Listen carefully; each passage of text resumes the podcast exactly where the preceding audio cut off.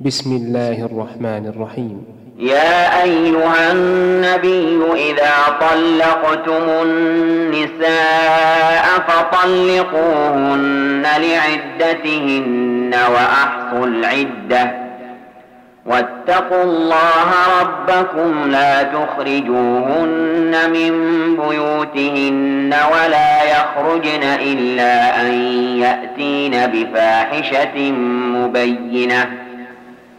وتلك حدود الله ومن يتعد حدود الله فقد ظلم نفسه. لا تدري لعل الله يحدث بعد ذلك أمرا. فإذا بلغن أجلهن فأمسكوهن بمعروف أو فارقوهن بمعروف. وأشهدوا ذوي عدل منكم وأقيموا الشهادة لله. ذلكم يوعظ به من كان يؤمن بالله واليوم الآخر. ومن يتق الله يجعل له مخرجا ويرزقه من حيث لا يحتسب. ومن يتوكل على الله فهو حسبه. إن الله بالغ أمره قد جعل الله لكل شيء قدرا واللائي يئسن من المحيض من نسائكم إن ارتبتم فعدتهن ثلاثة أشهر واللائي لم يحضن وأولاة الأحمال أجلهن أن يضعن حملهن ومن يتق الله يجعل له من أمره يسرا ذلك أمر الله أنزله إليكم ومن يتق الله يكفر عنه سيئاته ويعظم له أجرا أسكنوهن من حيث سكنتم من وجدكم ولا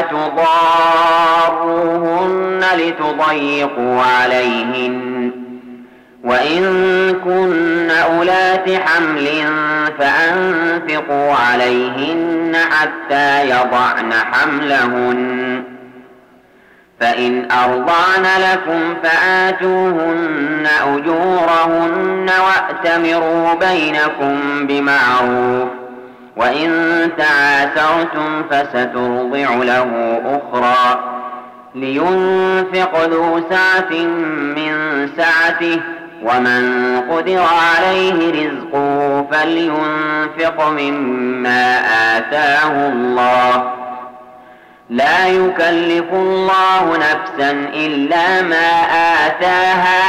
سيجعل الله بعد عسر يسرا.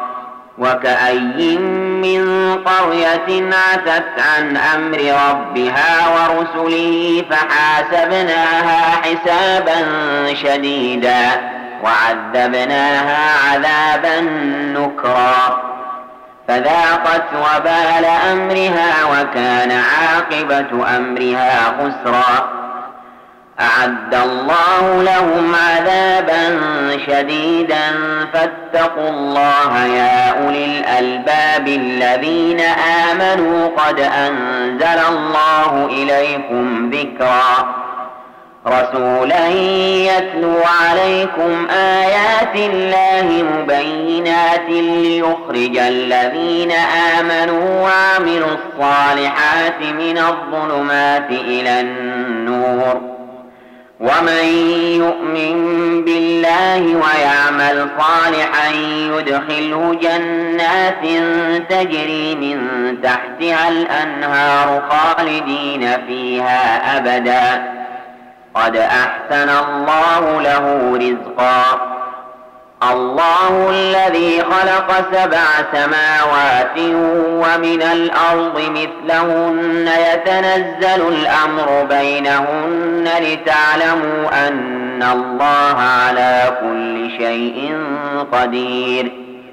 لتعلموا أن الله على كل شيء قدير وأن الله قد أحاط بكل شيء علما.